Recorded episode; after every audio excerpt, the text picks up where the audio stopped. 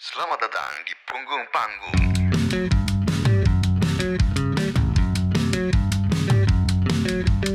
Ini kita akan lanjut ke sesi berikutnya ya, akan membahas juga nih, punggung, punggung panggung nih. tentang bagaimana musikalitas mereka berdua. Mungkin dari project Project- terbaru dulu kali ini.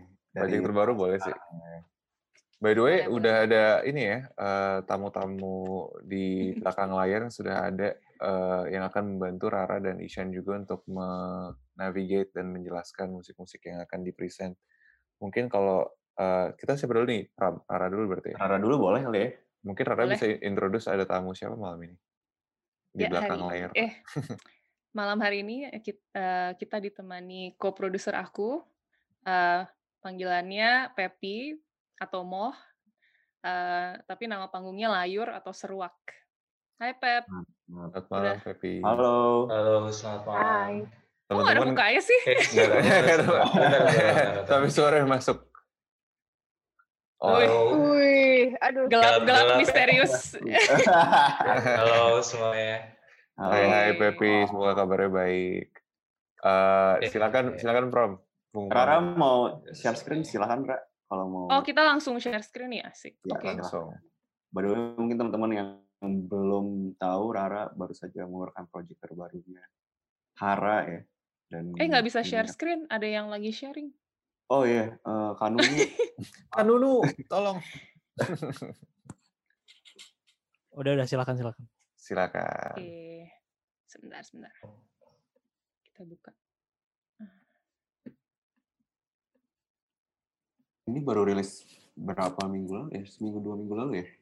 Apa? Eh, iya, lagu dua minggu, video seminggu. Mantap. Mantap, Bu. Wow. Gimana, Pep? Udah, Jadi Udah lupa ya? udah buka nih file-filenya. Jadi bisa kita dengar dulu kali ya satu putaran baru habis Oke. kita breakdown bareng-bareng. Oke, kita coba ya. Silakan. Eh, ini gimana sih? Ini gimana biar pergi? Nggak bisa ya? Ya udah deh.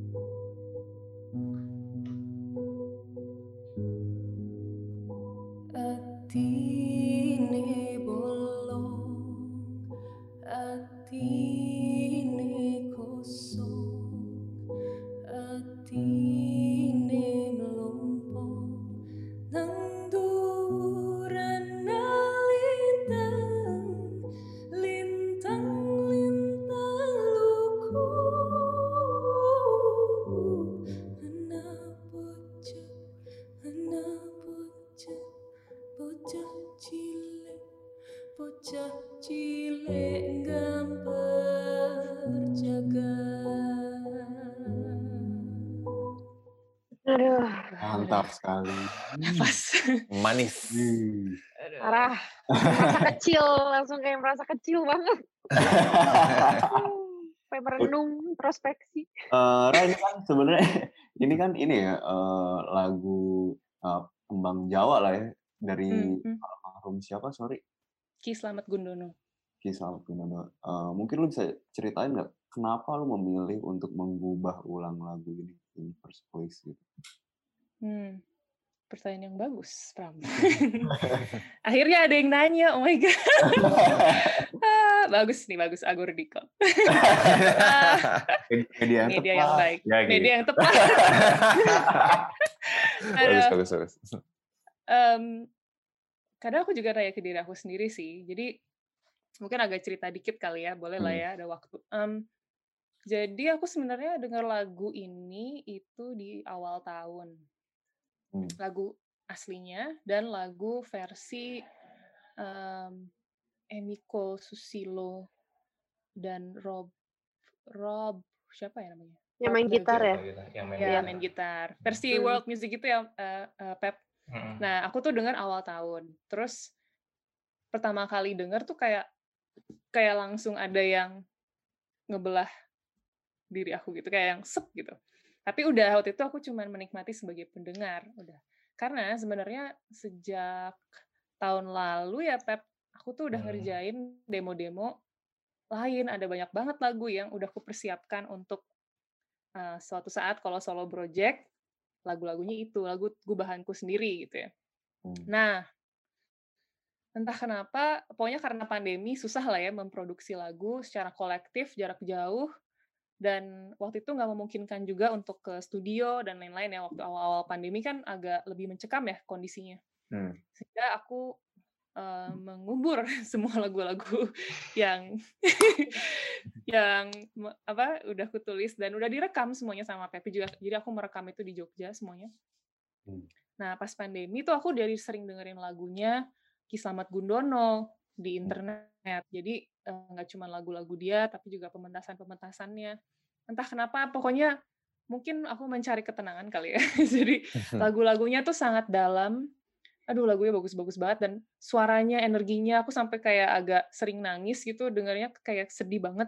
Belum pernah menonton dia secara live sewaktu beliau masih hidup. Hmm. Eh, jadi sedih itu rasanya gitu. Nah, terus eh, suatu saat bulan apa ya, Pep? Aku aku lagi ngobrol sama Pepi soal "Eh, gimana nih ya project ya udahlah ya gitu kan. Kayaknya kata yang Ah. sering keluar aku sama Pepi tuh ya udahlah ya ya. Mantra itu. Mantra ya. Nah, aku suatu hari bilang, "Pep, eh, aku lagi suka lagu ini nih." Terus aku kirimin yang versi Emiko Susilo ya, Pep ya. Iya, Miko. Yang versi dia yang world music gitu kan. Mm-mm, Hmm. World Music Festival. Terus Pepi bilang, aku bilang "Eh, pengen nyanyiin deh, tapi gimana ya aku bilang gitu. Terus Pepi bilang jangan gitar Ra," gitu, coba piano gitu. Tapi cuma ngomong gitu doang. Terus aku kayak oke oke, oh boleh Pep menarik tuh. Udah, tapi itu aku sama sekali belum pernah nyanyiin. Dalam artian itu masih menjadi statusku masih sebagai penikmat lah ya. Ya. Pada suatu malam, tengah malam harus ya, nih, harus Tengah malam malam nih. Harus tengah malam. ya tuh harus tengah malam kayaknya udah awalnya itu. Nah aku baru inget juga karena kemarin ada yang nanya juga. Jadi aku lagi ngulik em, pianonya ceritanya lagi mau nge-cover Visions of Gideon Sufjan Stevens. Hmm. nih cover-cover gitu kan. Terus kayak ah susah gitu kan. Ah fuck gitu kan. Eh udah ah gitu terus aku diam terus tiba-tiba cobain ah hati bolong kali ya lompatannya agak jauh ya dari Sufjan Stevens ke hati bolong sebenarnya agak jauh tuh. Terus tapi kayak langsung muncul aja gitu kayak uh, stream of consciousness gitu. Jadi uh, pianonya pengen minimalis sebenarnya pianonya mirip Visions of Gideon gitu kayak dang Hmm. dang dang gitu kan cuma versi sangat lambat gitu kan. Hmm. terus um, langsung aja terus kok masuk ya? Aku langsung nyanyi gitu. Eh eh, ati ne bolong gitu kan langsung wah kok masuk ya? Terus eh, masa kayak gini terus kan nggak mungkin sampai akhir terus ya udah aku cari variasi-variasi um, akompanimennya gitu. Hmm. terus udah lalu bagian yang um, outro-nya itu sebenarnya baru aku bikin pas aku rekaman dan aku rekaman semua ati bolong itu di rumah Ishan dan krunya Hmm. Ishan. Krunya Ishan Ini Easter egg nih, BTS nih, B- behind the scene, ya, behind the scene. krunya Ishan jadi Krunya Ishan, eh, ya. karena kan aku nggak punya piano di rumah jadi aku minjam karena aku suka banget sama yang suaranya North. Aku bilang Shan aku pinjam ya. Oh ya terus aku belum pernah pakai North kan waktu itu. Jadi itu meng, meng- apa eh ngekrunya tuh Ishan semua oh ini gini ini kayak gini gitu. Terus bahkan operator ya si Ishan jadi operator. Karena aku sempat kayak ini aku nggak tahu nih gimana. Oh ya terus si Ishan nggak tahu nih setupnya dia ya gitu kan. Hmm. pas sudah gitu kan. Jadi ada beberapa outro-nya baru dapat di sana. Mungkin stream of consciousness berlanjut gitu. Em, waktu itu aku masih belum kepikiran. Pokoknya mau bikin aja lagunya.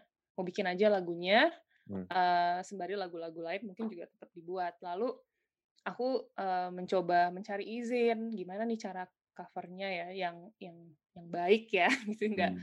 Asal nyomot apalagi em, eh, sudah almarhum gitu kan Hmm. aku kebetulan punya temen yang adalah temennya Pepi juga Hmm. yang sebenarnya baru kenal berapa tahun ya sama Mas Cepep Kayaknya kalau kamu baru satu setengah tahun nih, dua tahun ya lah ya. kayaknya Hmm. dua tahun lah gitu baru kan teman Hmm. baru tapi eh, cukup dekat lah sekarang nah aku iseng nanya dia karena dia sangat dia kebudayaan tinggi gitu. Modal budayanya tuh tinggi banget di Jogja. Aku cuma iseng nanya aja, Mas, Mas, uh, Mas Cindil, Mas, uh, aku pengen nge-cover ini gimana ya cara aku mengakses keluarganya gitu, keluarga Slamet Gunono. Terus Hmm. nggak taunya, oh itu sahabatku. Oh oke. Wow. Terus Sudah um, tersurat ya? dan Pepi juga nggak tahu ya Pepe kalau Mas C tuh hmm, sobatan sama Slamet Gunono. sama Ki Slamet. Hmm. Mm-mm. Terus akhirnya aku minta, akhirnya punya eh, minta izin ke keluarganya, keluarga membolehkan segala macam ngurusin apa namanya surat perjanjian dan lain-lain. Terus ya udah dan pas lagunya jadi, nah pas sama waktu itu aku udah demonya nih ada, aku bikin demo dulu, aku nggak sok-sok nge-produce dulu sendiri. Jadi mungkin setengah itu aku udah jadi tuh. Nah aku kirim Pepi, Pep dengerin. Terus eh, aku ingat sih komentar kamu pertama Pep ke aku dan itu mungkin sangat mem- menguatkan ya sekali kita saling menguatkan. Em, eh, Pepi cuma bilang kayak kamu udah nemu diri kamu deh Ra." ngomong gitu. Hmm. Terus Anjir. aku langsung kayak ya kayak oh gitu ya. Padahal aku nggak merasa sama sekali kayak gitu Hmm. gitu sih. Jadi itu ceritanya. Lalu pas Pepi ngomong gitu, aku langsung jadi apa? Jadi single ya gitu. Soalnya kalau emang beneran itu ada diri aku di situ, em, Pepi bisa ngeliat itu, bisa mendengar itu, kenapa enggak gitu? Baik. Eh, Untuk gue eh, mau, since kita lagi ada di DAW nih ya, gue mau Sip. eh, kembali ke lagunya ya, struktur lagunya. Cuma mungkin kalau Rara atau Mas Pepi bisa share, eh, sebenarnya nggak mesti eh, ini ya track yang unik, tapi kayak eh, ada nggak track-track yang menurut menurut kalian ini nih kalau nggak ada kalau nggak ada nggak ada part ini nih lagu ini nggak jadi gitu. Eh, di luar obviously vokalnya atau misalnya basicnya. Atau mungkin ada part-part lain yang menurut kalian seru untuk di-share, silakan. Soundscape sih ya, kayak yang bener-bener ngidupin si ininya juga. Jadi di bagian akhir. Eh, Hmm. awalnya sih emang kalau aku waktu mixing pertama kan benar-benar cuman pure vokal, piano dan mungkin efek-efek vokal doang ya. Si soundscape itu emang awalnya ku taruh di belakang. Jadi semua ku mute gitu loh, nggak belum ku masukin gitu kan. Mm-mm. Terus emang kayak pas dengerin, oh ya udah udah enak gitu. Sebenarnya udah enak banget waktu belum ada uh, suara-suara keruh yang mungkin uh, menyelimuti si lagu ini lagu ini gitu pas Hmm. awalnya tuh aku udah sempat ke distrak gitu kayak aduh apa ngomong sama Rara ya si soundscape ini dihilangin aja atau gimana jadi kayak Hmm. eh eh, apa kayak karena waktu mixing pertama itu udah ini sih kayak Udah eh, keruh sih. aku udah keruh cuman aku tuh juga sempat ragu-ragu gitu eh, aduh gimana ya nanti Rara kalau misalnya ini semua dijebret jebret jebret jebret jebret gini Hmm. Nah, dia gimana terus tapi si Rara itu dari awal udah bilang sama aku sih kayak "Eh, Pep pokoknya dihajar aja lah gitu. Jadi eh, aku berapa kali ya Ra, itu progres ke kamu tuh kayak awalnya ngirim dem eh, apa awalnya ngirim mixingan pertama gitu. Eh tiga kali ya? Tiga kali mixingan ya? Tiga kali kayaknya. Heeh. nah yang mixingan terakhir tuh aku ngomong ke dia ngirim Ra ini eh, final ya. Terus aku bilang sama Rara Ra sorry aku ngerusak lagunya. Kalau nggak salah sih aku bil- bilang kayak gitu. Sorry aku ngerusak lagunya. Terus saya baru baru malam didengerin Rara udah versi yang masih gitar-gitar itu ya Ra? Udah, udah keruh. Bilang "Ah, tuh udah keruh kayak gitu terus. Cuman ya jadi dapat jadi dapat apa yang maksudnya di yang dituju gitulah. Maksudnya eh, emang eh, si konsep awalnya si Rara kan kayak pengen dari tengah itu tuh kayak masuk masuk di dunia yang ini ya apa namanya? Astral. nah, astral gitu terus lebih lebih Oh jadi ya, dari awal emang udah ada udah ada intensi untuk ada itu ya kayak oh gue pengen Ada. part ini oh jadi, Jadi- sebenarnya si soundscape itu Hmm. fungsinya untuk menjembatani upaya itu. iya itu Mm-mm. Jadi waktu aku kirim ke Pepi tuh, eh, Pepi kan nambahin yang lebih keruh, lebih eh, apa ya, lebih bising lah ya bisa dibilang. Jadi waktu ke Pepi, aku cuma ngirim tiga soundscape sebenarnya. Jadi aku punya, aku punya beberapa, aku punya banyak sound eh, stock soundcape, soundscape sebagai antropolog junior. Terus eh, em, ada beberapa soundscape yang membekas di hatiku dan aku waktu pertama kali minta izin untuk ngerekam tuh aku langsung kebayang suatu hari pasti aku akan pakai ini di laguku gitu. Hmm, Tapi aku nggak tahu kapan. Jadi ya, ini ada soundscape. silakan dimainkan. Eh sorry sorry. Oh kok ada suara vokalnya? Sorry sorry sorry. Eh, di mute dulu ya. Di Oke, udah. Sorry. Ini dia. Oh kalian dengar? Yes. Ya, ini gamelan.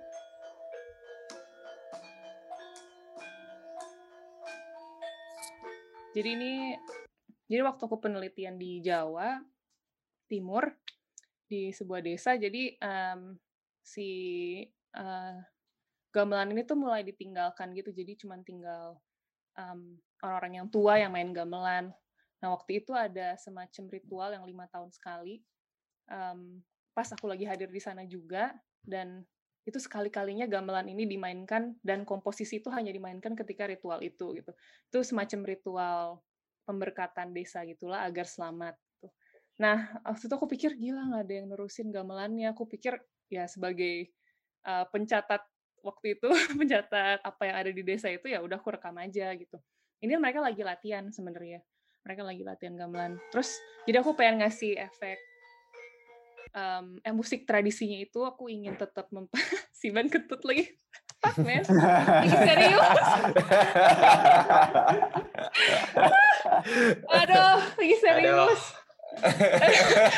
ya beginilah ya pernikahan teman-teman rumah tangga aduh Penuh dengan kejutan ya. Ya, ya. lagi mau deep jadi nggak jadi deep kan ah. aduh ya udah jadi tadi balik ke gamelan nah aku pengen kayak tetap mempreservasi eh, si eh, suasana mm, musik tradisinya tapi Hmm. dengan cara memasukkan soundscape nah tapi karena lagu ini juga em, bukan tentang bukan ini bintangnya bukan si musik gamelannya dia adalah pelengkap nuansa lagunya Nah, aku juga masukin eh, soundscape tapi eh, si gamelan tadi tapi aku reverse. Jadi untuk Hmm. ngasih efek Hmm. eh, waktu yang yang tidak linear gitu. Hmm.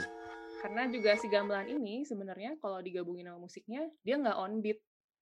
Hmm. Kalau kalian pikirin, dapat dengerin lagi gitu sebenarnya dia sama sekali nggak on. Pikirin, kalau kalian pikirin, aduh, gara-gara kentut nih satu the best. Nah, terus em, sini sebenarnya bukan dalang. Jadi waktu em, ritual itu ada pemberkatannya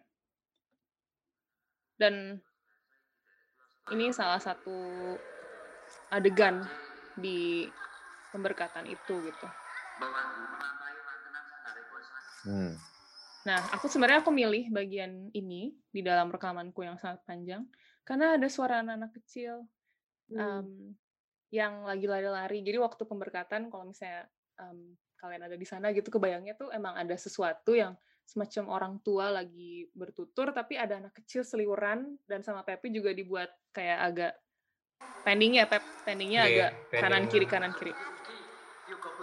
Berjalan Hmm.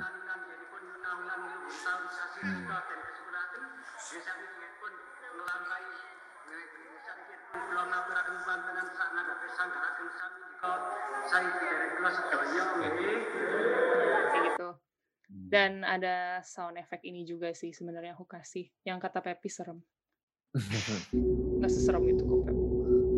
Gitu Wah, sih. keruh banget nih. Nah, belum, belum keruh. Oh, belum, Pep belum. belum. Becek, masih Pep. becek. masih becek. Nah, terus lanjut Pep. Terus, nah udah gitu Gimana? gimana Pep nih? Em, intinya abis itu aku bilang Pep tolong buat lebih em, transisinya itu lebih ekstrim eh, Mm-mm. ke si dunia lain itu. Terus Hmm. em, eh, aku juga ngasih beberapa catatan ya Pep kayak endingnya aku pengen raungan mati syahdu. si Pepe punya jud punya lagu judulnya Mati Syahdu. Syahdu. Eh, Pepe kan eh, punya moniker namanya Layur. Nah, si ma- Iya. lagu Mati Syahdu itu endingnya eh, si gitar noise dan drive itu gini-gini ya Pepe. Mm-mm. Mungkin Pepe bisa cerita ini ada apa aja di sini. Eh, Silakan tapi Mas di situ ada ada string juga sih kemarin, Ra. Tapi Ada. Ini? mau masukin Ini ada? Oh, ada dimasukin. Hmm. Jadi si string itu juga jadi jembatan. Awalnya kan dari si vokal layer yang terakhir, yang jaga terakhir itu tuh Hmm. kayak kurang dem gitu tuh, jadi agak ku kasih kayak low string gitu Hmm. yang bikin apa ya? Ya menjembatani sih menuju si menuju si eh, Alam bako. apa ya alam alam barzah gitu. Begitu. Nah si rambut. gitar sebenarnya si gitar-gitar ini tuh baru akhir-akhir karena aku sebenarnya nggak kepikiran untuk ngasih itu kan karena tak agak was-was juga gitu awalnya. Kayak aduh nanti Rara jadi ini banget nggak ya gitu kan. Masih sempat mikir cuman pas akhir-akhir kok kayaknya moodnya lagi agak gelap nih gitu. Coba-coba awalnya tuh awalnya coba-coba aja, coba-coba aku kasih terus kulemparlah ke Rara Hmm. Eh, ketika mixingan tuh udah jadi si Rara bilang oh dia bilang suka terus lah yang lain-lain terus mikirin ininya karena awalnya awalnya itu berhenti kayak langsung dep gitu ya Ra, di di menit ke empat tiga puluh apa 4.30, empat iya empat tiga 4.31 puluhan gitu Hmm. Nah sempat ada diskusi juga kan ini enaknya langsung mati pet atau uh, fade out gitu jadi ku bikinin juga beberapa opsi gitu kan kalau fade out kayak gini kalau mati pet tuh kayaknya enakan agak dipanjangin dikit gitu jadi ada sempet sempet diskusi juga sih untuk si gitar si apa si keruh-keruh di belakang ini Mm-mm. Satu Ini mau ya. kita play ya, kruhnya. Boleh, boleh. silakan silakan. Ya, ini yang aku spesifik pesen ke si Pepi dan eh, dia meliar pada saat Meliar. lagi pekat, pada saat lagi pekat ya Pep perasaan. Tapi sesuai sih, aku aku sangat suka.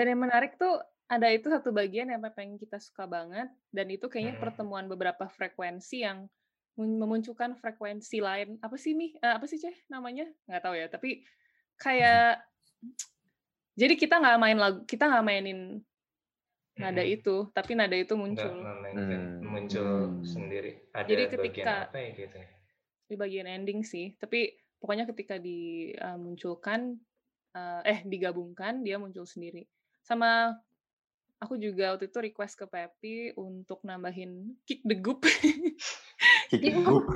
Iya biar kayak ini deg-deg eh deg-deg apa? Degup jantung gitu. request. Oh, yes, yes. kok tapi tipis jadi kita nggak Ah. nggak sampai kayak Dipa Barus gitu ya nggak nggak sampai situ tapi Eh, by the way. Dipa lagi nonton. halo Halo.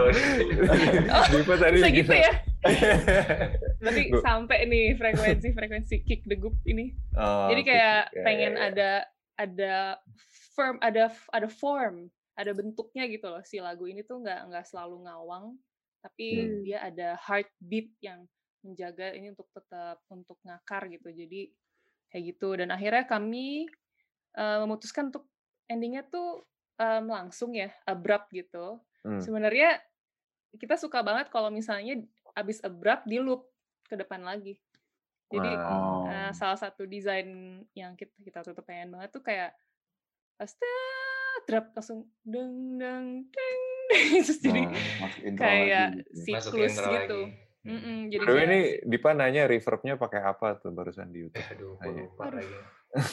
pakai apa pep Aduh, aku lupa kemarin pluginnya apa ya. ya udah Eh, nggak apa-apa, ntar aja. Ini deh Pak, Nanti- ntar Dep, ntar kita susul. Japri, japri, japri. Japri. Iya. By the way, Tapi emang gua- Pepi itu banget sih. Cuman Pepi salah satu orang yang bisa ngertiin cara ngehandle vokal aku sih. Hmm. Tapi sesuai dengan aku mau karena uh, aku gak sebenarnya nggak suka vokal clean. Uh, Hmm. clean reverb aku nggak suka banget. Emang emang selera aku agak keruh sih. Jadi um, keruh dan dan menggaung dan jauh gitu. Jadi uh, nggak selalu pas ya kayak kadang kayak terlalu jauh, terlalu gaung kayak di Gua Hero gitu kan. Jadi kayak Hmm. gimana gitu cari tengahnya dan Pepi bisa menerjemahkan keinginanku itu sih. gue mau balik ke bagian si uh, dunia Astro. bagian post rocknya ini ini kan Bagian Astro. Iya, Iya kan? bos. Post Iya. Slot. Tapi, kan Rara lumayan ini ya sedikit kasih glimpse uh, glimpse gitu kayak gue pin ini gue lumayan BM lah lo Rara di sini gitu. Menurut lo kenapa si Ati Bolong versi lo ini butuh bagian dunia astral ini Radi Baham? Kenapa harus ada bagian ini? gitu? Karena tadi balik ke ceritaku yang awal, waktu aku pertama kali dengar Ati Bolong, buatku pribadi itu pengalaman yang sangat visual. Hmm. Jadi em, kalau misalnya Teguh sama Pram kalau belum sempat eh, nonton si video musiknya adalah komikalisasi karya Iqbal gitu Muhammad Iqbal. Hmm. Itu tuh ada beberapa cuplikan-cuplikan yang ada di kepalaku dan aku pernah alami juga gitu. Jadi itu yang udah aku bayangin gitu. Dan sama Iqbal di di diamplifikasi lagi gitu dengan interpretasi dia gitu. Jadi entah kenapa buatku lagu ini tuh semacam perjalanan ke dalam yang yang sangat jauh gitu. Dan Hmm. eh, jadi ke dalam tapi juga keluar gitu. Jadi em, apa ya aku yang aku rasain seperti padahal lagu aslinya kan nggak gini ya pakai kentrung terus atine bolong gitu ya Ap- sangat kayak lagu anak-anak sih Hmm. cuman waktu hmm. aku denger my mind wanders off gitu jadi em, dan yang menariknya sepertinya interpretasiku sama Pepi sebenarnya nggak sama Hmm. karena aku nggak pernah cerita ke Pepi dan Pepi nggak pernah cerita ke aku kita cuman kayak kamu dapet nggak dapet sih dapet kayak Hmm. kayak dapet nih Pep gitu aku udah dapet kamu udah dapet gak? jadi aku juga nunggu momen di mana aku dengerin mixingnya aku sendiri nangis denger lagunya loh kok emo ya maksudnya kayak terus nggak tahu kalau Pepi kayak gimana ya menentukan si mixingnya udah pas atau belum Hmm. Gue mau menanyakan ke petugas rekamannya ya, Mbak Ishan ya. Ternyata ini ada operator paling mahal operator rekaman nih. eh, Ini yang masuk di- kredit kan? Masuk kredit. Tadi iya kan nih harus Ra- masuk. Rara bilang ini sebuah journey untuk Rara gitu ya perjalanan di mana kayak oh eh, pertama-tama ada faktor ABC dan sekarang baru ada posisi ad- ada momentum yang tepat untuk ini gitu untuk rilis ini gitu. Lo sebagai saudara kandungnya gitu ya sebagai adiknya dan operator. dan dan operator eh, lo ngelihat eh, single ini tuh apa sih untuk kakak lo gitu? Silakan chat Hmm, yang pertama klise banget, tapi aku melihat di sini Rara sangat jujur sih ya. Aku Hmm. bisa melihat Rara sangat jujur, dia sangat mengekspresikan diri dia gitu. Nggak ada faktor eksternal lagi. Ini this is Rara, this is Hara, unsur tanah. Dan apa ya? Ya, kan kita sering ngobrol juga ya Syuk, maksudnya kayak Mm-mm. eh, eh, gimana ya ngomongnya? Ya pokoknya intinya aku sangat menanti karya-karya Hara selanjutnya yang betul-betul original dari kamu ya. Karena aku rasa di situ orang akan sangat memahami bahwa oh ini Hara tuh ini gitu, Rara Sekar tuh seperti ini. Itu yang aku lihat dan aku senang lah karena eh, mungkin kamu juga tadi ceritakan ya baru-baru ini kamu merasa bahwa eh, kamu tuh udah mau mengambil path di, di musik gitu kan dan Hmm. itu sangat terasa menurut aku. Pas aku pertama kali dengar Ati Bolong eh, terutama pas nonton yang premiere kita WhatsApp keluarga di chat itu eh, aku sangat tersentuh eh, si Mako juga suami aku. Kita merinding dari awal sampai akhir. Sampai pada akhirnya ya apa ya kadang-kadang emang dengerin musik tuh eh, nggak tau ya orang-orang kan beda-beda ya responnya. Kalau aku sih dengan nggak nggak harus selalu memahami lirik secara keseluruhan gitu dengan mendengarkan musiknya aja tuh aku udah bisa ngerasain gitu oh ini Rara, Rara lagi jadi dirinya sendiri, Rara lagi mengeluarkan jati diri dia, sangat terasa uh, very mesmerizing gitu dan ya, masuk sih menurut aku bagus banget gitu. Hmm. Baik. Gue mau balik ke Rara dan Mas Pepi deh. Ini kan Ati Bola ini kan bukan project pertama kalian lah bisa dibilang ya. Uh, kalian sudah bekerja sama sebelumnya lah gitu. Sebenarnya mungkin buat uh, kalian berdua, buat Rara dan Mas Pepi, uh, kenapa kalian nih merasa cocok satu sama lain nih dalam menggarap musik? Apa yang membuat Rara Cara Tinder atau gimana nih? apa yang membuat Rara sangat percaya dengan Mas Pepi dan Mas Pepi kenapa mampu menerjemahkan uh, apa yang diinginkan Rara gitu. Silakan mungkin dari Mas Pepinya dulu kali. Aduh. Aduh. Abot iki abot. Abot iki. abot. Apa ya? Uh, sebenarnya kenal Rara tuh ya belum lama banget ya kita tuh kenal ya baru dari project di Bandanera itu sih cuman emang dari awal kalau ngobrol sama Rara emang ya emang sampah juga sih kita berdua itu intinya intinya karena kita sama-sama sampah jadi obrolannya tuh enggak enggak enggak melulu hal-hal yang serius gitu terus hmm. ya kalau pas ngomongin musik emang sering sering sering sefrekuensi sih kayak hmm. kayak mungkin uh, apa yang kita suka atau kita tukar-tukaran referensi gitu tuh banyakan tuh masih kayak satu apa ya satu satu roots gitulah ya masih mm -hmm. satu garis gitulah terus kalau ngomongin uh, apa apakah aku sanggup atau enggak sebenarnya mungkin enggak enggak tahu ya sanggup apa enggak oh jadi gitu Pep. Oh kok terjadi perpecahan. Iya, bukan. Akibat. Bukan bukan masalah sanggup tapi kayak mungkin ya kukira Rara udah udah udah ngerti inilah ngerti ngerti uh, batasanku. Kayak masa aku kemampuanku tuh segini gitu. Terus uh, ya aku aku lebih tahu eh aku aku tahu karakter si Rara tuh seperti apa segala macam kayak gitu jadi mungkin lebih inilah lebih lebih slow juga sih kita ya maksudnya hmm. ngobrolnya kayak nggak nggak ada sejauh ini sih nggak nggak pernah ada tekanan di antara kita berdua ya maksudnya kayak hmm. ngerjain ini ya ya udah slow aja atau terus misal ya kebetulan juga sama-sama Moody juga kan kayak ngerjain project ini segala macam jadi profesional sih iya tapi enggak yang ini ya enggak yang karena berbasis pertemanan juga kali ya hmm. jadi yeah. Iya. uh, terus udah kenal satu sama lain ya segala, segala macam jadi sanggup nggak sanggup kayaknya sanggup sanggup aja sih ya. Kayak nggak ikhlas gitu ya.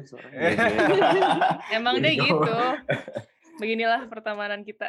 Rara gimana Rara? Kenapa percaya banget dengan Mas Pepi nih dalam menggarap musik? Bener Pepe sih karena kita temen ya dalam artian sebenarnya kita lumayan udah lumayan agak lama sih Pep. Jadi kayaknya aku kenal Pepi itu 2013 kan sih Pep? 2013 2014. Sorry. Um, itu tuh aku nemu Pepi, nemu nemu Pepi nemu. di SoundCloud. Beneran nemu di SoundCloud. Oh, wow. Aku nemu Layur. Hmm. Waktu itu masih era SoundCloud ya yang yang kayaknya hidup tuh penuh dengan misteri dan lagu-lagu baru dari musisi-musisi lokal yang kita tidak kenali dan biasanya profile pic-nya blur. Lagi gerak. Terus uh, karena suka banget sama musiknya dan benar-benar tersentuh waktu itu ini siapa nih orang Bantul? gitu kan. Tapi Iceland gitu musiknya. Aduh Olafur. Bantul Iceland ya? Bantul Bantul Iceland. Iceland Iceland. Terus uh, akhirnya kita kopi darat kopi darat. Beneran tapi kita akhirnya kenalan kopi darat. Jadi uh, teman-teman SoundCloud itu tuh yang ketemu SoundCloud tuh Pepi sama Gardika Gigi gitu jadi hmm. uh, waktu itu aku sama Nanda akhirnya kita ketemuan nggak taunya apa ya sok-sok jamming tapi nggak nggak nggak jamming jamming banget sih. Gak jamming serius juga, sih ya. Kenalan gitu-gitu. Hmm, Terus akhirnya bertumbuh jadi um, kolaborasi gitu kan. Nah dari kolaborasi yang dulu-dulu entah kenapa aku sama Pepe memang punya irisan hmm, apa ya uh, taste di mus di musik yang yang paling besar ini irisannya gitu. Yeah. Jadi kalau misalnya aku sama Pepe kan suka bikin playlist tuh di di di Spotify itu kalau kita tuker-tukeran playlist tuh pasti aku suka semua lagu yang ada di Pepi dan sebaliknya juga jadi kayak padahal nggak semua kita sama ya, tapi mungkin Hmm. 30 sampai 50% tuh sama eh, Hmm. musisi-musisinya atau roots-nya, tapi sisanya tuh eh bagus nih gitu. Jadi eh, memang udah satu frekuensi dan eh, setelah Bandanera pun aku selalu bergaul bergaul. Terus sering ber, berter- apa, berteman aja sama Pepe kayak kita suka ke mana-mana. Kalau di Jogja aku sama Pepe dan teman-teman terus jadi udah mengalami kehidupan bersama gitu. Kita pernah ke jebak hujan di Magelang Pepe naik motor. Jadi kayak mengalami hal-hal aja bersama. Jadi kalau misalnya saat mengomunikasikan eh, hal-hal musikal pun eh, jadi sam- lebih ke lebih cepat ngerti gitu. Karena Hmm. em, kita mengalami kehidupan juga lumayan bareng-bareng sih gitu. Tapi meskipun dengan segala keterbatasan kamu ya Pep dengan Hmm. laptop satu RAM, eh satu giga, RAM satu giga dan em, lain-lainnya gitu ya kendala internet di daerah sebagai pemuda daerah. Tapi mungkin eh, saat ini aku sangat percaya sama Pepi sih untuk eh, membantuku melahirkan anak-anakku di Hara.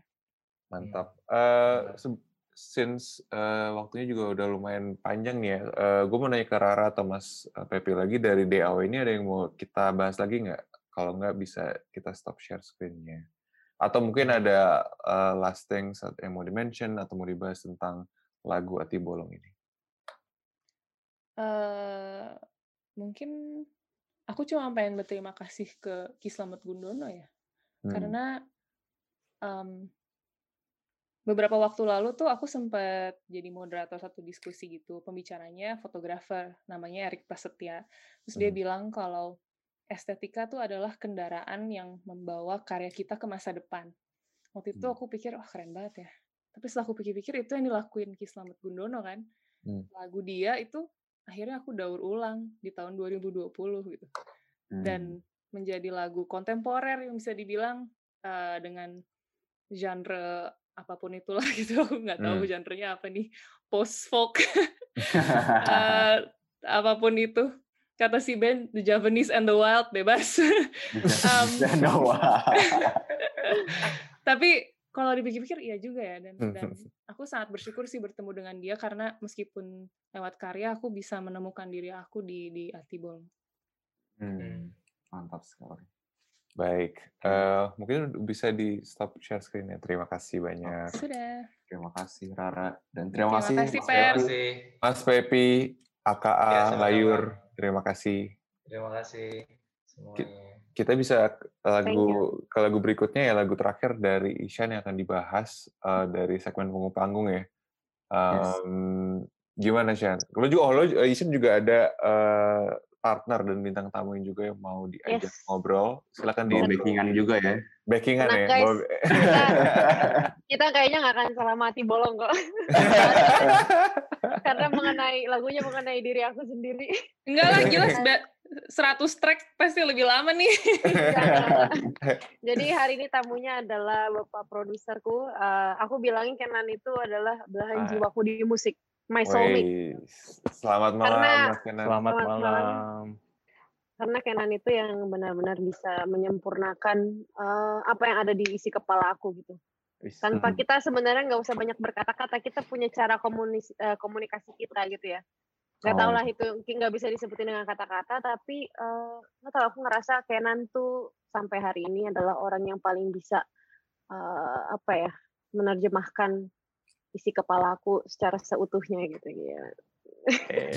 Karena tumbuh, kayaknya tumbuhnya di dunia pendidikannya tuh yang serupa sih kita berpuluh-puluh Hmm. tahun terus Oh. kuliah sama-sama kuliah Oh, musik memang walaupun kolega ya, kolega dari sekolah gitu ya. ah, ah, kolega tapi sebenarnya kita dulu nggak bukan yang kenal banget sih waktu ngeles tuh dari Hmm. pertama kali ngelihat Isyan waktu SD apa SMP gitu itu sampai juga ya pas SD. sampai lulus kuliah tuh kita sebenarnya bukan yang akrab banget Nggak asal kenal, tahu Mak. aja Hmm. asal tahu. Jadi gila- dulu kan kita suka ikut kompetisi namanya Electron Festival Competition. Hmm. Nah, untungnya aku sama Kenan tuh nggak pernah jadi rival ya. Kita tuh jadi ya kalau misalkan aku aku lagi di eh, apa namanya junior section, Kenan itu udah senior section. Jadi kita nggak pernah bertemu dan Oh. ber- apa ya Mm. bersesatu sama lain gitu. lagi pun Baik, beda baik. genre kan Chan Beda Hmm. genre. Kalau Kenan itu selalu yang ikut tahunnya pop, aku selalu ikut tahun yang klasik.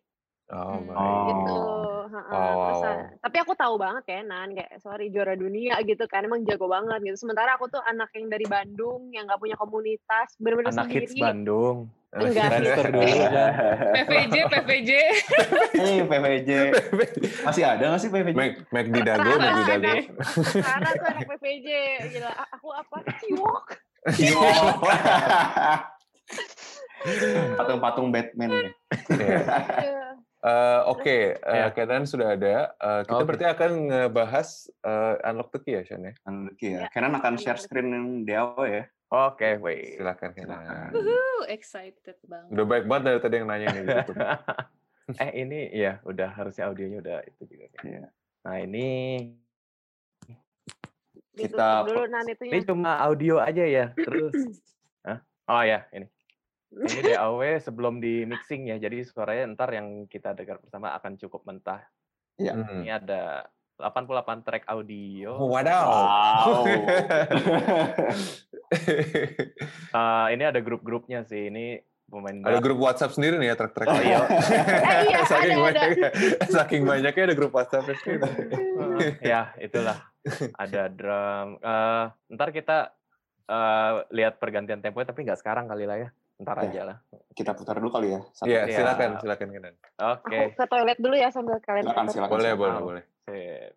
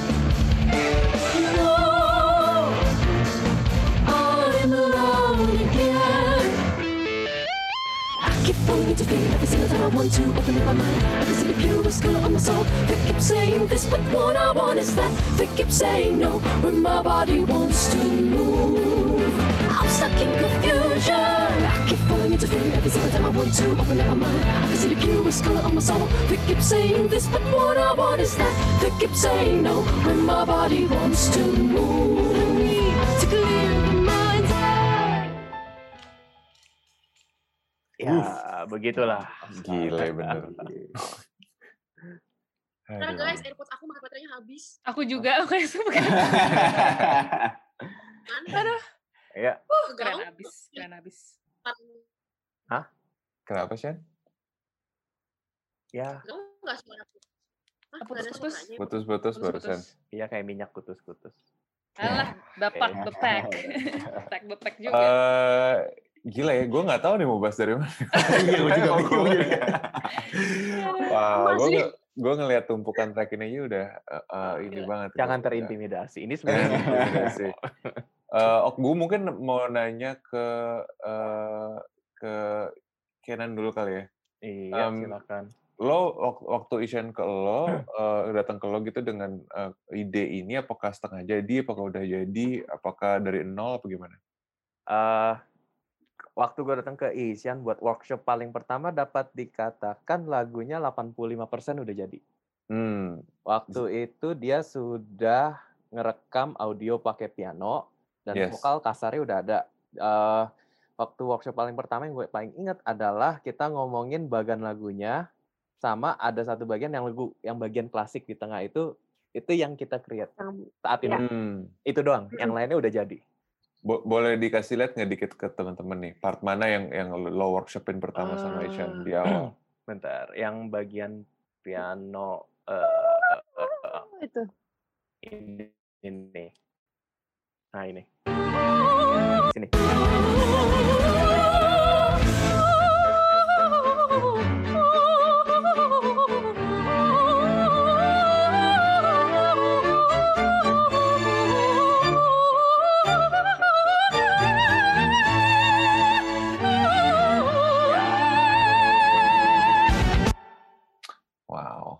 Itu masuk. jeritan hati, jeritan hati pada saat sebelum Kenan datang. Jadi pas sebelum Kenan datang, pokoknya kayak lagunya kan strukturnya tuh udah udah ada gitu ya dari awal Hmm. sampai akhir. Terus tiba-tiba pas Kenan on the way aku kayak, aduh pengen jerit nih gitu. Pas Bang Umar pengen jerit, aku kayak, Nan bentar, bagian ini kita masukin ini ya. Terus aku kayak.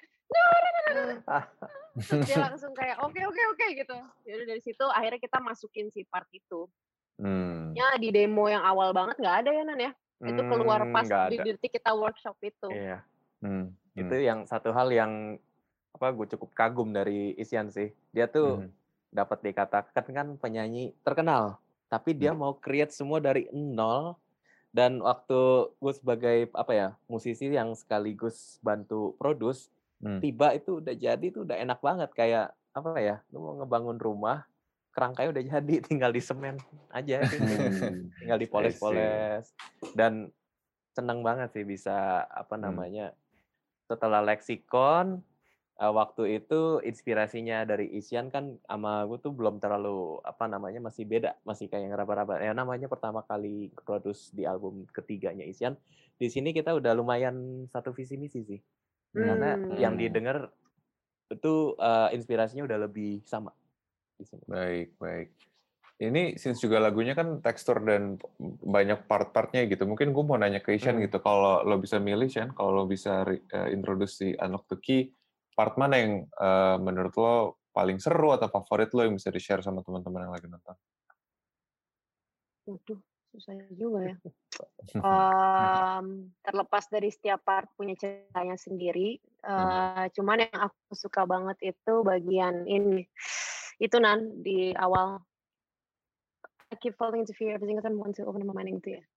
oh eh, bagian cepet yang kayak Britney Spears Yang kayak British Kayak Britney Spears. Kenan, Kenan.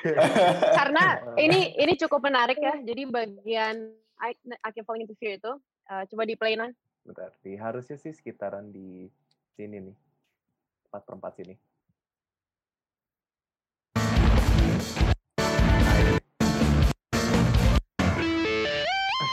Keep falling into fear every single time I want to open up my mind. I can see the purest color on my soul. They keep saying this, but what I want is that. They keep saying no, when my body wants to move.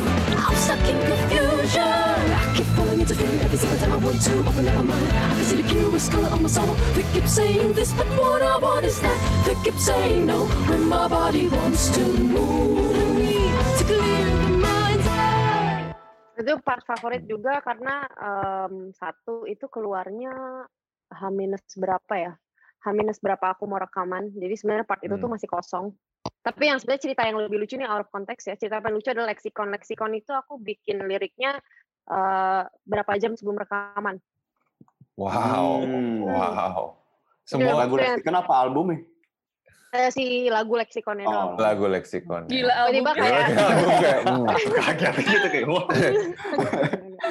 itu, Sigap banget. itu bener kayak tiba-tiba kayak cep gitu kayak uh nulis aja itu terjadi nah udah balik lagi ke anak key part ini juga mirip seperti itu gitu Hmm. tadinya tuh uh, sempet humming-humming lah kayak "Hmm, na, ni, na, na, na," lebih klasikal gitu lah nggak Hmm. terlalu kayak tet, gitu.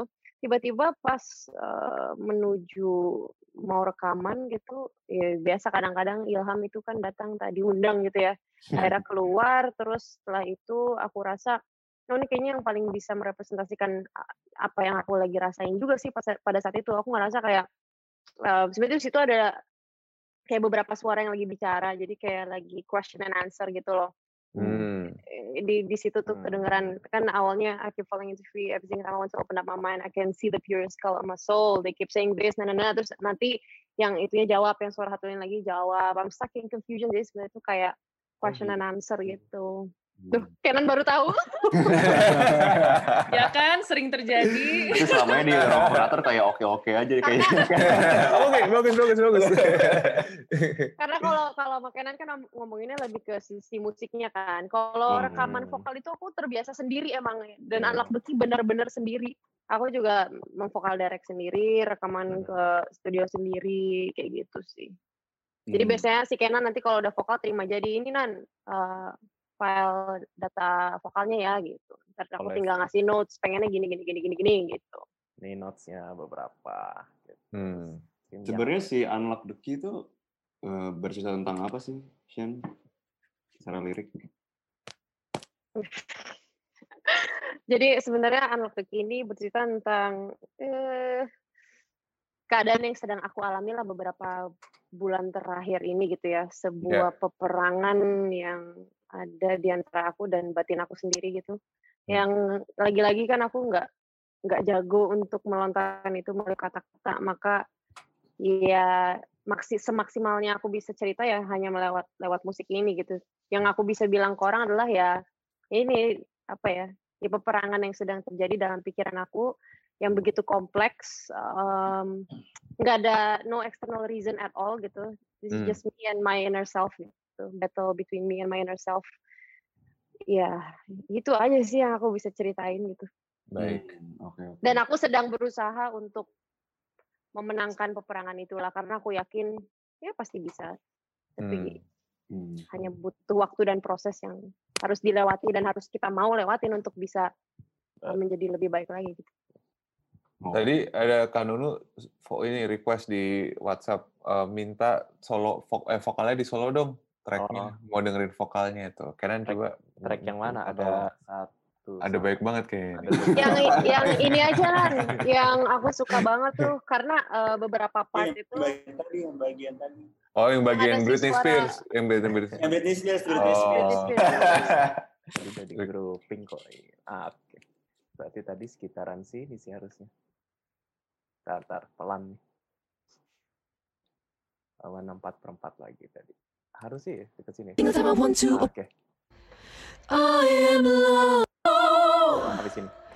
I'm alone again. I keep falling into fear every single time I want to open up my mind. I can see the purest color of my soul. They keep saying this, but what I want is that. They keep saying no when my body wants to move.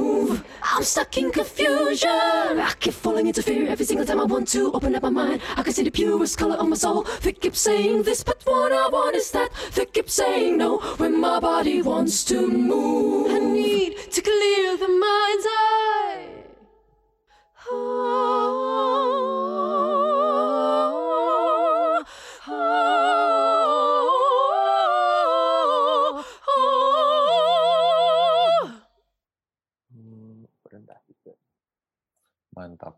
tadi yang putus-putus. Ah, enggak sih? Oh, Putus gak sih kalian? enggak sih. Enggak. Oh enggak. Nan sama bagian aku yang favorit lagi yang This Nah, itu yang? Evolution juga karena oh, This Evolution itu tapi di solo juga yoi, karena ini. aku senang banget pas bagian itu tuh semua yang rendah aku emang nyanyiinnya agak exaggerating gitu agak kayak Hmm. melaki gitu loh Oke, ini sih harusnya sih. This evolution shaped a war in my imagination. I am being suffocated by the mess that keeps on running in my head. Set me free from the darkness. I will never let you get a piece of my life. I've warned you more than once. Unlock the key and step away from my life of love. ya itu itu juga Thank you for the long Banyak sih vokal nih kalau dilihat tracknya pun ada satu track juga nama tracknya mana tadi? Ketawa 01. oh Ketawa iya nol. ketawa bagian ketawa juga aku suka banget sih Paling belakang sendirian ketawa. Ya, ada ada ada adegannya kan di apa lirik videonya ketawanya Jan.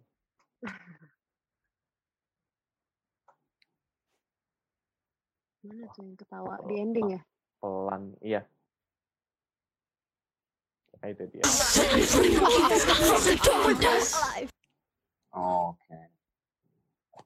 Cuma ada di ending tuh ya. Cuma di ending. Oh.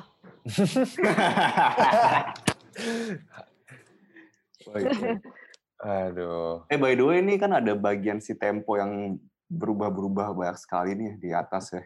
Gua, yes gua kan bukan musisi ya, jadi gua agak nggak paham nih. Sebenarnya apa sih yang ingin dicapai dari banyaknya perubahan tempo ini dalam satu struktur lagu gitu? Mungkin uh, Kenan dan Ishan bisa menjawab. ini adalah karena aku gini ya aku kalau nyiptain lagu itu nggak pakai tempo jadi aku Hmm. menggunakan rasa gitu ya Eh, jadi aku kalau buat demo itu bener-bener ngerekam tanpa metronom. Itu adalah kebiasaan aku karena aku rasa kalau ada metronom tuh jadi terlalu dibatasi terus kayak nggak bebas gitu loh jadinya. Hmm. Nah, untung Bapak produser ini menerima saya apa adanya. Jadi Itu jawaban tidak indahnya sih, Sian jawaban. Kalau mau indahnya tuh kita kan bisa bilang ini bagian sini kita mau ada read tatando melamar berikutnya bagiannya Woi, lebih ada istilah-istilah. Ya tapi bener Jadi sih itu dari sih ya dan akhirnya eh, ya udah aku kasih itu ya PR-nya salah satu PR untuk jadi di produser Isyana adalah yaitu mereka harus menaruh tempo untuk untuk aku. Meng- Gimana mengakomodir lagu yang Tempo. Mengakomodir. ketukan, ketukan ini. Gimana? Lu menanggapi si tempo ini gimana? Ah, ya karena udah pernah pengalaman juga waktu bikin lagu leksikon mirip-mirip. Eh, jadi udah lebih ngerti aja sih. Cuma untuk proses kerja awal jadi Puyeng. rapiin tempo, ya itu selesai, istirahat dulu, eh, ah, refreshing dulu, beberapa hari kemudian baru kembali mulai instrumentasi. Oh. Kalau langsung oke. dihajar satu hari kayaknya cukup eh, nanti hasilnya bisa kayak ampas kopi, nggak enak gitu. Yes, yes, yes, yes. Kalau lagu Unlock the Key ini berapa lama nih lo ngerjainnya? Unlock the Key ngerjain eh, secara total produksi apa jangka waktu keseluruhan? Eh, total produksi. Total produksi satu hari rapiin tempo, satu hari instrumentasi, ya tiga empat hari revisi, terus rekaman dua hari, Hmm. mixing mastering ya. Tapi dalam jangka waktu kita sebulan ya Sian ya total itu kerja Iya, padat. bulanan ya. Gue mau nanya ke Kenan lagi. Eh, ceritain dong ke kita kayak lo dari dari eh lo partner musik partner mem- membuat dan produksi lagu dengan Ishan. Eh, how do you see her gitu kan as a musician? Apalagi lo mengikuti eh, track recordnya dia ya eh, perjalanannya Ishan gitu ya. Eh, bisa share nggak sama kita? Menurut lo gimana Ishan itu? Hmm, oke. eh, seorang Isyan itu kalau dari dulu dia dari kecil kan emang udah menciptakan lagu ya. Hmm.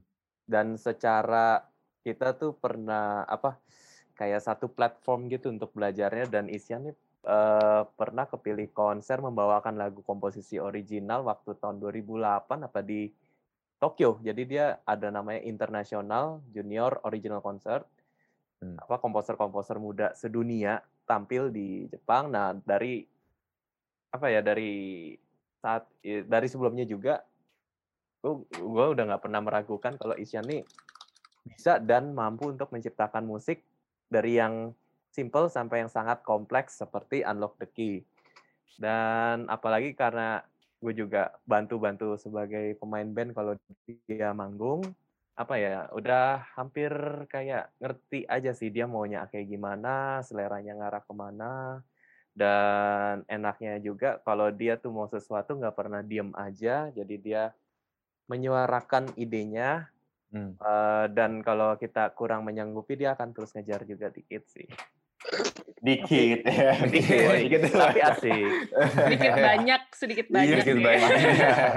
tapi ini yang ya itu dia yang bikin apa ya gue semakin terpacu untuk Hmm. oh Isyan ngarahnya ke sini nih masa aku nggak apa nggak bisa mencapai tujuan keinginannya dan salah satu lagu ini yang di bagian lagu ini yang paling PR itu sebenarnya di sini nih ada Coba silakan dimainin. eh, ini aja sih ketukan ya sambil nyalain metronom ya Hmm.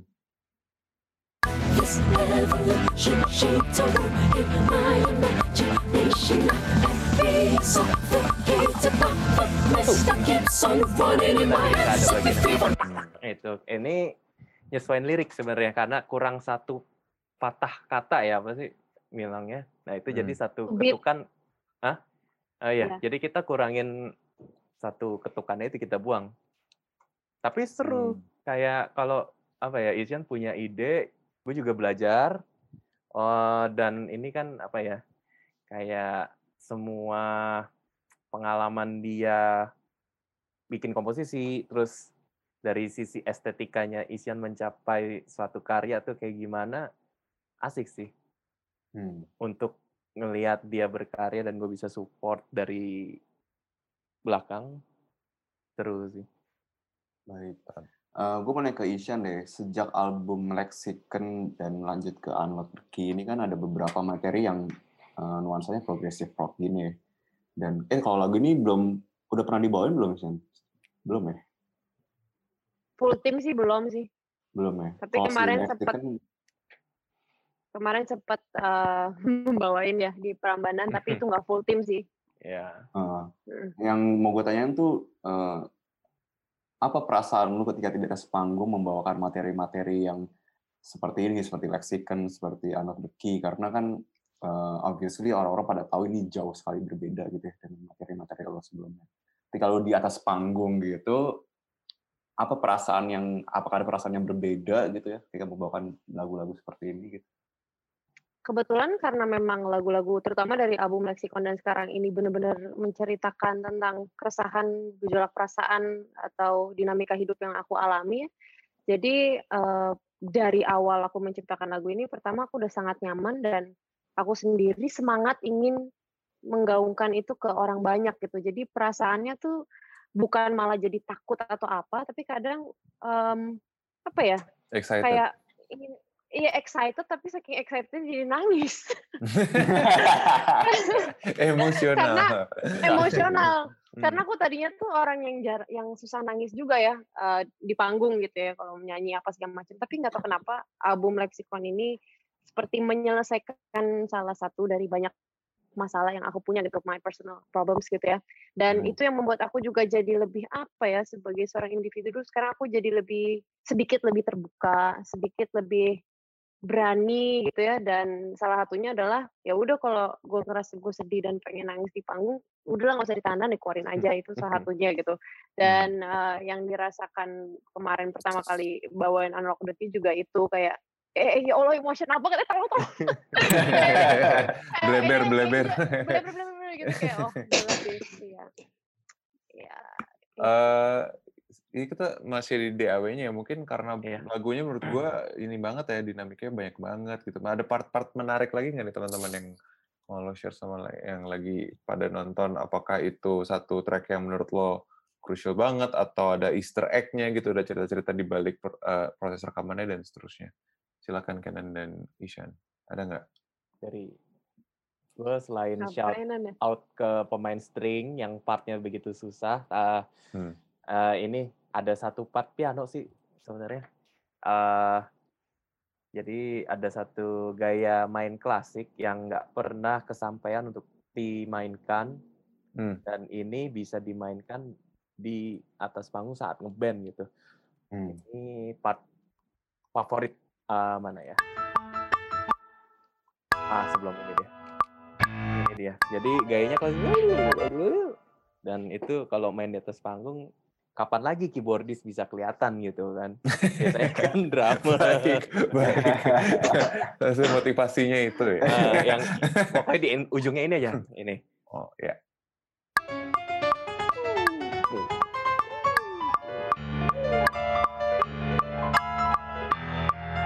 Saat memelan setelah ini.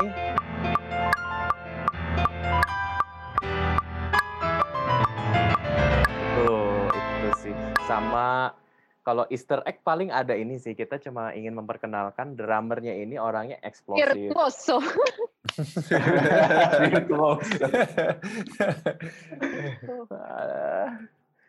drummer ini orangnya eksplosif dan dia tuh Wah. ekspresif dan waktu take dia sangat senang sekali saat lagunya selesai.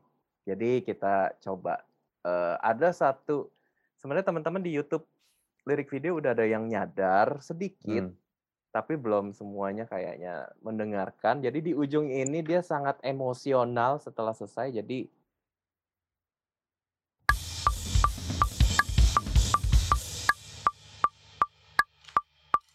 dia Oh. lempar stick Lempar stick ya. Wow. dan itu kerekam ada di apa lirik videonya. Ah, nggak teaser ya atau apa ya Sian? Hmm. Eh, ya di teaser eh Gara-gara be- mau di mana ya lupa gara-gara mau nikah sih kayaknya dia sangat eksplosif. Waktu Tapi rekaman. kalian sepakat untuk nge-keep suara itu ya? Iya, aku aku bilang kayak, oh ini harus dimasukin sih gitu. Karena ini jujur banget dari hati dia kayak, eh Hmm. namanya Selesai, Gitu. kelar gitu. eh, kayak untung aja. iya. Yandi Anda Putra namanya kalau mungkin teman-teman ada yang mau search nanti. Mantap. Eh Ishan, apalagi Ishan yang bisa kita share dari an- announcement atau part-part dari eh, Unlock the Key ini? Lagi ya. em, hmm, Ishan. ah, yang bagian itu ya nan, eh, bagian piano yang ada eh, vokal itu. Ah, aduh di bagian yang mana ya? Itu tuh aku tiba-tiba terinspirasi dari zaman barok, barok Wah. music gitu ya. Jadi agak Wow. sedikit terdengar seperti fugue gitu. Tapi Hmm. fugue-nya modern gimana ya tuh ya? Itu Bukan yang klasik kan? Bach ya, Bach. Barok. Ya, yang Coba. bagian klasik bukan? Iya, Bukan. iya betul. Oh. Betul betul. Yang Eh, eh. yang ada piano. Ini? Bukan. Yang ada harmonisasi, yang ada harmonisasinya. Oh, wait. Sebelum masuk. Tudududududu, Sebelum 7 per 8, sebelum 7 per 8. Sini harusnya. Iya. Ah, itu dia.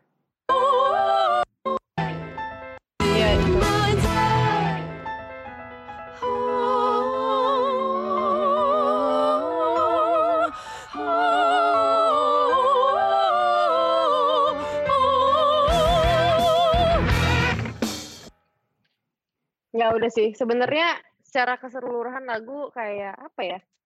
Ya seru eh gimana ya? Karena gimana ya ceritainnya? Karena aku emang kalau nulis lagu itu gak, gak mikir ya, gak ngerumus gitu.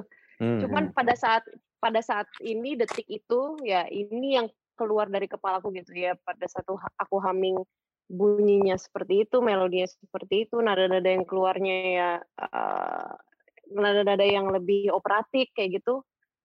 Em, dan itu yang sedang aku alami, yang tergambarkan melalui musik. Jadi kalau mm, ya sok mau nanya apa, aku jadi bingung mau ngomong apa.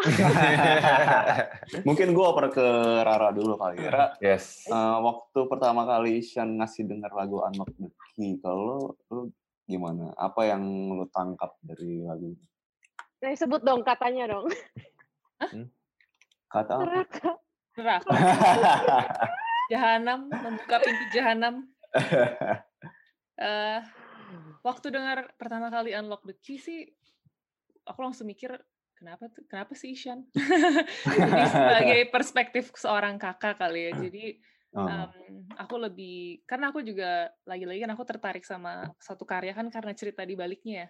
Hmm. Eh, terlepas pasti estetikanya atau musikalitasnya tuh juga salah satu aspek penting. Tapi kan untuk aku mikir si Ishan kenapa ya gitu. Em, tapi aku sama Ishan sering ketemu belakangan karena lagi karena kita cuman cuman kita cuman pergi tuh kalau nggak ke saling ke rumah atau pulang ke rumah di Bandung. Jadi kita nggak pernah keluar dari circle itu jarang banget. Jadi emang sering ketemu dan ngobrol. Waktu dengar lagunya sih aku ngerasa kayak ini eh, leksikon plus plus ya dalam artian secara komposisi itu Ishan lebih lepas lagi, lebih merdeka lagi menjadi dirinya sendiri sih.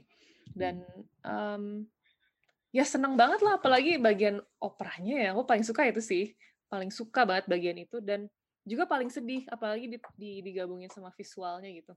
Yang Hmm. itu loh yang love love love thank you Love, love, love. Thank you Gitu. for the longing. ya itu aku paling suka bagian itu dan aku merasa di situ kamu menjadi vulnerable yang mungkin sebelumnya sulit untuk dibaca di karya-karya kamu sebelumnya gitu. Kayak tadi kita ngomongin Gamal di awal nah itu tuh momen momen itu gitu di eh, di mana aku bertemu dengan kamu tapi sekaligus aku bercermin ke diriku sendiri gitu. Jadi em, ya salah satu lagu yang kamu buat yang yang bukan cuman magnum opus tapi juga sangat menyentuh gitu menurut aku. Sangat ngena gitu itu sih eh, pertama kali dengar tapi baik yang bilang sih kayak surga neraka gitu kok anaknya bisa ibuku kayak satu rahim satu lagunya, lagunya astral eh, menuju Iya. pintu apa tadi alam barzah yang satunya, yang satunya mau ke neraka jahanam aduh ibuku sendiri pusing tapi katanya yin yang ya udah boleh lah. Bolehlah tante. Ini Oke. sebenarnya gue mau nanya ini sih tadi dari awal banget kita live banyak yang nanya sebenarnya Rara dan Isyana itu eh, exchange tentang informasi musik itu seperti apa sih? Tadi kan Rara udah bilang nih kayak surga dan neraka gitu ya. Tapi eh, somehow kalian sangat dekat sekali kan sebenarnya sebagai kakak adik, bukan yang kakak adik yang cuman cuek-cuek aja gitu. Tapi ketika kalian bertukar informasi tentang musik, saling mengomentari tentang musik masing-masing itu seper- seper- biasanya terjadi seperti apa sih? Dari Isyana dulu mungkin. Mana ya, Syuk? Kita biasanya mungkin tergantung ya ada beberapa yang kita lebih tertutup baru nanti kalau udah jadi udah di mastering Iya. Baru saling bertukar atau mixing biasanya ya buat kuping kita sih Hmm. biasanya selalu ngasih denger lagu kalau kita lagu sendiri ya, lagu Hmm. original dari diri kita, biasanya kita ngasih denger kalau udah jadi sih. ya mm-mm. nggak pernah pas Oh. proses nggak pernah kayak aku lagi mau bikin lagu nih ini demo gitu tuh kayak nggak pernah deh jadi setelah udah jadi banget baru ngasih dengar. Malah yang sampai ibu bapak kan sebenarnya nggak nggak nggak pernah dengar anak dia eh nggak pernah lihat lirik videonya sampai hari H launching gitu. Kita tipikal yang kayak gitu sih gitu.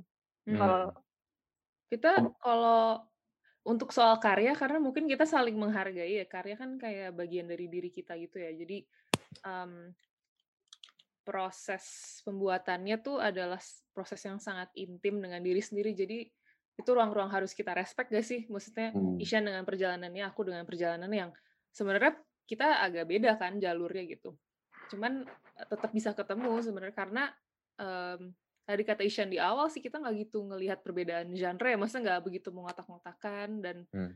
bisa mengapresiasi musik karena ceritanya tadi jadi selalu nyambung aja sih kalau kita ada musik-musik baru juga suka ngobrolin eh kamu udah dengerin ini belum udah terus Hmm. tadi Ishan bilang "Ah, menurutku gini gini ini kamu gimana? Aku kayak gini gini nih. Oh ya menarik jadi saling belajar juga. Oh si Ishan ngeliatnya kayak gitu. Ya kayak gini lah taste test tapi di antara taste test berdua. Sama nggak disiarin ke YouTube aja. Sama nggak tegang. Nggak jadi nggak Harus- ngebleng ngebleng nggak harus pakai turtleneck.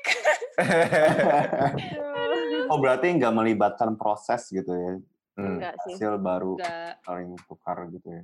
Paling biasanya mixing ya sama mastering ya kayak ada sesekali kayak aku dengar versi mixingnya Unlock the Key Hmm. eh, Ishan juga dengar terus vers- versi mastering juga aku sempat nanya ini ada yang ada yang apa namanya aneh nggak gitu-gitu jadi em, lebih ke finishing touch kadang bertukar tapi nggak selalu nggak nggak nggak yang wajib gitu kecuali kita bikin lagu bareng ya kayak luruh gitu. Hmm. Hmm, Oke oke oke. Nah gue mau nanya lagi nih satu lagi eh, kan Isyana di Lexicon dan Unlock the Key menjadi ini ya, ya ini tergantung klise ya, menjadi diri sendiri gitu ya, mengeluarkan eh, isi Hmm. isi kepala dan hati di lagu-lagu itu gitu. Begitu pula dengan eh, Rara di proyek terbarunya Hara gitu. Yang mau gue tanyain apakah kita akan mendapatkan materi yang serupa gitu ya di masa mendatang misalkan Isyana seperti Key, Unlock the Key berikutnya dan Hara dengan Ati Bolong Ati Bolong berikutnya atau sebenarnya ini hanya one of salah satu eh, variasi musik dari perjalanan karir kalian aja gitu. Mungkin dari Isyana dulu Kalau aku sih dari dulu kalau orang nanya di awal aja, "Eh, nih sekarang lagunya kayak leksikon gitu ya, ke depan akan seperti leksikon lagi." Aku selalu bilang nggak akan pernah menjanjikan apa pun karena lagu-lagu aku itu aku berevolusi dan mendewasa dengan musik dan karya-karya aku gitu. Aku nggak akan pernah tahu apa yang akan terjadi di dalam hidup aku Hmm. dan musik itu merepresentasikan itu gitu. Jadi aku nggak bisa menjanjikan kayak tiba-tiba aku ke mana pergi terus kayak wow aku terinspirasi musik ini tiba-tiba aku bikin single koplo gitu bisa aja kita nggak tahu gitu ya jadi aku Ditunggu. tidak akan mau menjanjikan apa pun karena lagi-lagi aku anaknya sangat terbuka sangat open minded gitu Hmm. cuman untuk detik ini memang suasana hati aku lagi ke sini aja gitu. fase hidup aku lagi ada di sini nggak tahu nanti ke depannya gitu Oke.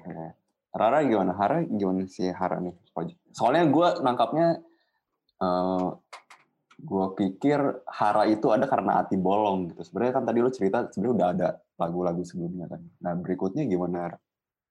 Hmm, sama sih ke Ishan dalam artian pendekatan ke musik aku sama Ishan tuh sangat cair ya bisa dibilang. Kayak Ishan bisa di pop, bisa di R&B, bisa juga di apa nih barok. Barok Met- metal, kata metal. barok metal gitu ya. Barok metal. barok metal. Terus em, eh, aku juga cukup mirip ya maksudnya eh, meskipun perjalanan musikku dimulai dari folk dan dan terjeb bukan terjebak sih cuman em, apa ya di se- seakan-akan di, di dibentuk hanya untuk folk gitu kan. Hmm. Em, Ati Bolong tuh sebenarnya adalah cuman sedikit eh, cuilan sedikit dari mimpi aku untuk punya project yang lebih bising sih. Sebenarnya Hmm. em, di Hara tuh aku ngerasa akhirnya punya eh, ruang aman untuk mengeksplorasi sisi bising aku gitu. Tapi nggak selalu bising ya dalam artian eh, bisa apa aja sih me- meskipun tetap rootsnya di folk gitu cuman lebih eh, lebih berani kali ya mengeksplorasi bunyi gitu.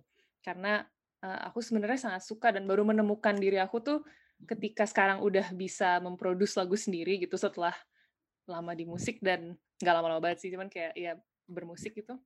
Eh ya aku sih berharapnya lebih eksploratif.